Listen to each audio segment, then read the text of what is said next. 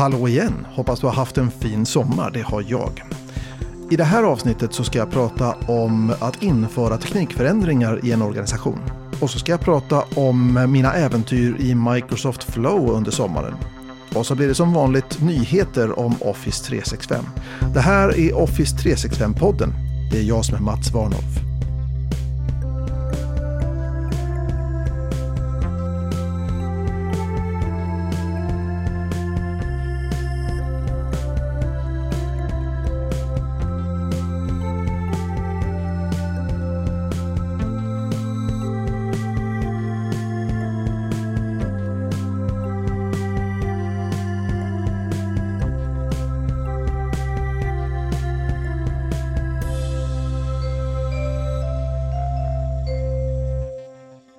När vi ska införa ny teknik i en organisation så måste vi naturligtvis titta hur redo organisationen är för till exempel Teams eller SharePoint eller vad det nu är. Och den här kollen, den här valideringen, den gör vi i tre steg. Det första steget är att värdera intressenter. Intressenter är ju sådana då som kan sponsra eller skälpa eller någonting. Då, typiskt då beslutsfattare eller liknande då i organisationen. Eh, vi ska också som steg två identifiera tidiga adoptörer, alltså folk som tidigt tar till sig ny teknik och som gillar att testa ny teknik och så vidare. Och det tredje steget det är att utvärdera hela organisationens förändringsbenägenhet. Om vi ska börja med den här intressentlistan då så gör vi just en lista över potentiella intressenter och ledare i organisationen och dokumenterar för var och en av dem. Är den här personen intresserad av ny teknik? Är den här personen nöjd med hur dagens lösningar ser ut? Är den här personen beredd att använda osanktionerade lösningar för att uppnå bättre resultat eller skapa en bättre arbetsmiljö för sina anställda? Är den här personen under press att prestera bättre resultat? Kommer den här personen att evangelisera runt Teams till sina medarbetare och sina kollegor för att förenkla införandet? Har den här personen en positiv relation till nyckelmedlemmar i införandeteamet och gillar den här personen att ses som en förändringsagent i organisationen. Alltså det här är bara några av frågorna. Om vi ska eh, liksom sätta dit, dit saker och ting som är, är flaggande för positivt är ju naturligtvis då en person som gillar ny teknik, som är missnöjd med hur dagens lösningar ser ut. Eh, men det ska inte vara en person som är under press att prestera bättre resultat därför att när vi gör en teknikförändring så kommer vi naturligtvis under en period att prestera sämre. Självklart. Så de här frågorna bör man kanske ställa sig runt var och en av dem och du kan naturligtvis lägga till ytterligare frågor. Men som ett minimum som sagt så vill vi ha intressenter som är missnöjda med dagens lösningar, gillar förändring och som vi har en bra relation med. Och fokus ligger absolut på den här relationen. Så om man ska försöka göra den här värderingen objektiv så bör vi hellre prioritera en bra relation och bra kemi. Och sen som sagt då, när du har gjort den här listan så tänk på att det här är snarare ett diskussionsunderlag. Det är liksom inte ett poängkort på något vis då som kan avgöra på enkelt bara genom att titta på listan vilka som bör ingå i det här förändringsteamet. Andra steget är att identifiera tidiga adoptörer. Och tidiga adoptörer av teknik de brukar generellt tillskrivas de här dragen. De gillar teknik. De vill vara en del av en förändring och en förbättring. Och de här är människor som letar aktivt efter förbättringsmöjligheter. De är naturliga kollaboratörer de delar gärna med sig av sina kunskaper och erfarenheter till sina kollegor. De är villiga att testa nya saker bara för att se hur de fungerar. De här människorna de är väldigt viktiga i experimentfasen av ett införande. När man alltså inför tekniken för en begränsad grupp och testar huruvida man kan flytta arbetsprocesser på det nya verktyget eller inte. Det sista steget det är att utvärdera organisationens förändringsbenägenhet. Och all förändring har inte med teknik att göra, men det har alltid med människor att göra. Det finns en hel gren inom psykologin som bland annat ägnar sig åt vår naturliga ovilja mot förändring. Man brukar typiskt dela in användare i tre kategorier av förändringsmotstånd. 1. Tidiga adoptörer. Det här är användare som efterfrågar en lösning innan den finns tillgänglig. 2. är informerade användare. Och de här människorna de brukar hoppa på en lösning så snart som den här har ett uppfattat värde. När jag som användare förstår poängen med det här verktyget så flyttar jag lätt och ledigt över till det, men inte innan jag har sett affärsvärdet med lösningen. Och det sista poängen är ju motvallsanvändare. Och det här är folk då som naturligt motsätter sig alla förändringar. Och sen är ju förmågan att ta till sig teknik som också ser olika ut för olika användare. Och det här oavsett egentligen vilken av ovanstående kategori man tillhör. Dels finns det självgående personer. De här hittar själv resurser, ger dem en länk till en video, ger dem en bok, eh, ger dem en FAQ så klarar de sig själva därifrån. Andra kategorin är teamorienterade och de här människorna de tycker om att lära sig tillsammans. Gruppaktiviteter, klass, klassrumsutbildningar och så vidare. Då. Och den tredje det är assistansbehövande och det här är människor som vill sitta tillsammans med någon som kan. Det är klokt att komma ihåg att en organisation kan verka bestå av grupper och avdelningar, men de i sin tur består av individer. Individer som tar till sig förändringar med olika entusiasm och i olika takt. De som vill skoja med det här de brukar kalla det för cat herding, att försöka valla katter som en flock. Men istället för att frustreras av det här så måste man ta hänsyn till det i sin plan. Jag brukar rekommendera mina kunder att arbeta tidigt med hatarna, de som inte vill förändras eller de som kanske hellre skulle använda en alternativ teknik. Om du kan konvertera de här till gillare så är det helt fantastiskt. Men även om det bara kan ändras till att acceptera förändringen så har du just hanterat en viktig bromskloss för förändringen.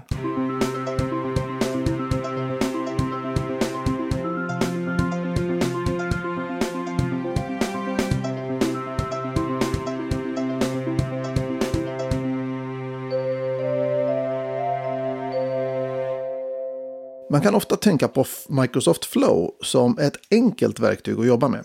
Men man slås ibland av hur både avancerat och komplicerat det är. För några veckor sedan så fick jag ett uppdrag som prövade min kompetens och mitt förstånd.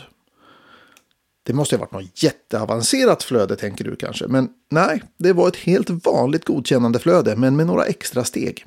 Men jag ska börja från början, det är ofta bäst så. Allt börjar med ett dokumentbibliotek där jag ska lagra dokument som kräver godkännande. Dokumentbiblioteket ska lagra metadata runt godkännandet. Och I det här fallet så vill vi kunna se vem som godkänt, när det godkändes och eventuella kommentarer för den som har godkänt dokumentet. Helt vanliga saker alltså helt enkelt. Vi vill ha en manuell process för att starta flödet och när en granskare godkänt dokumentet så vill vi alltså uppdatera dokumentet med metadatat som jag just nämnde. Problemet är att uppdateringen av metadatat innebär att vi får en ny delversion som i sig inte är godkänd, så vi får en loop. Jag ska förklara. Vi har en huvudversion, till exempel version 7.0, som är synlig för alla utom de som får skriva i dokumentet. De ser istället den senaste delversionen, kanske 7.30. Och när den är klar för publicering så begär man ett godkännande. Det här är ett ganska vanligt eh, arbetsflöde runt dokument. De som är behöriga att godkänna dokumentet får nu ett mejl och kan granska dokumentet och avslå eller godkänna det som en ny huvudversion. Eh, version 7.30 blir då version 8 så alla kan se innehållet. Om granskaren avslår så får dokumentförfattaren ett mejl med kommentarerna men om granskaren godkänner så publiceras dokumentet med ny huvudversion. Men flödet ska ju också lägga in granskarens namn, kommentarer och dagens datum. Och det är i sig en ny förändring, vilket får effekten att vi får en ny delversion, version 8.1, som inte är godkänd. Det tog mer än en liten stund innan jag klurade ut lösningen på det här och det tvingade mig att dyka djupt in i hur godkännandeflöden fungerar. Det vi behöver göra är att jobba med godkännandets status. I grund och botten så behöver vi göra följande. Någon ändrar ett dokument och då sätts dokumentets status automatiskt till draft eller utkast. När man begär godkännande, ja då sätts dokumentets status då till väntande eller pending som det heter på engelska. Och när en behörig godkänner dokumentet så skriver vi då metadata om dagens datum, namnet på godkännaren och dennes kommentarer. Men den här förändringen ger dokumentet en ny status igen, draft automatiskt. Så vi lägger till två extra steg i vårt flöde. Vi sätter dokumentet status till pending med ett workflow-steg och sen så slutligen sätter vi dokumentet status till godkänt. Ja, lite grovt så var det här lösningen. Det fanns några mindre steg för att hålla ihop flödet här och där. Och du kan se det slutgiltiga flödet då på varnolf.link approvalflow. Så sett i efterhand så kan den här lösningen tyckas vara uppenbar. Men det var den inte innan jag kom fram till den. Och handen på hjärtat. Det kan mycket väl finnas både enklare och smartare lösningar än den jag hittade på. Men som vanligt finns det inget facit, bara lösningsförslag. Och jag ser fram emot att lära mig ännu mer om Flow. Har du något problem som du har brottats med i Flow? Jag är supernyfiken. Skriv gärna ett mejl till mig. Office 365-podden i ett ord, at varnolf.net.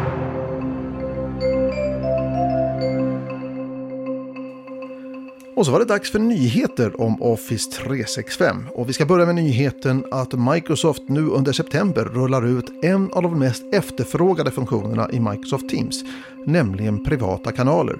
Det naturliga i ett team är att alla som är medlemmar har åtkomst till allt innehåll i ett team, men nu kommer helt enkelt möjligheten då att skapa speciella dolda kanaler där bara de som specifikt är tillagda till kanalen har åtkomst. Eh, är du teamägare kommer du naturligtvis åt alla kanaler och det är också du då som kan utse vilka användare som kommer åt den här eh, privata kanalen. Det här är framförallt en efterfrågad funktion när man har externa medlemmar och att Eh, man då kan dölja vissa kanaler eller ha vissa interna kanaler så att säga för bara företaget. Medan de externa medlemmarna inte kommer åt de här eh, dolda eller privata kanalerna. Som sagt, rullar ut nu i, eh, under september, börjar start nu i början på september och innan slutet på september så är det här utrullat worldwide i samtliga varianter av Microsoft Teams. Har du en gammal Office 365-tenant? Ja, din default-sajt i SharePoint, ja den är förmodligen då en sån här gammal, omodern, så att säga, Microsoft Teams-sajt. Men det behöver det inte vara längre, därför att nu så rullar Microsoft ut möjligheten att köra någonting som kallas för en site swap. Nämligen att vi kan byta vilken default-sajt du har i din SharePoint-tenant. Du kan helt enkelt skapa en ny communication site eller någonting sånt och sen så kan du eh, köra kommandot invoke minus SPO siteswap och peka på den nya sajten. Det betyder att din gamla default site kommer att arkiveras och den här nya sajten eller den sajten som du pekar på kommer att bli din nya default site i SharePoint. Den här funktionen började rulla ut i början på augusti och man började då med eh, användare, eller förlåt, tenant som har färre än 50 licenser och därefter så går man då till större och större tenants och i slutet av oktober så ska det här vara utrullat överallt. Skype for Business online är på väg bort. Ja, 2021, vi vet, Microsoft har sagt det massor med gånger, det är dags att börja flytta just nu. Men vi har fått en nyhet nu och det är möjligheten att ha bättre interoperabilitet mellan Teams och Skype for Business online. Och det här är ganska praktiskt därför att även om du har varit vass nog att implementera Microsoft Teams redan nu så har du säkert folk som du kommunicerar med som fortfarande kör Skype for Business. Och en av begränsningarna när man har haft sådana interoperabilitetskommunikation, alltså kommunikation mellan två olika produkter, har varit till exempel screen sharing har inte funkat. Men nu kommer det. Under augusti, slutet på augusti som sagt, det är vi ju redan där nu, så ska det här vara utrullat. Möjligheten att dela desktop med, i samtal med externa partners då som sitter utanför då. Oavsett om du kör Teams eller om det är du som sitter på Skype for Business-sidan så kommer det numera att fungera med screen sharing mellan de här olika typerna av system. Ja, det var allt för det här avsnittet av Office 365-podden. Jag sitter här och hoppas på att du har feedback eller idéer eller tankar eller whatever. Eller kanske bara känner för att eh, säga hej till mig. Eh, skicka gärna ett mejl, office365podden at varnolf.net. Office 365-podden alltså utan några som helst bindestreck eller mellanslag eller något sånt där, utan bara ett ord. Office365podden at varnolf.net. Ha en fortsatt trevlig sensommar och vi hörs igen mycket snart.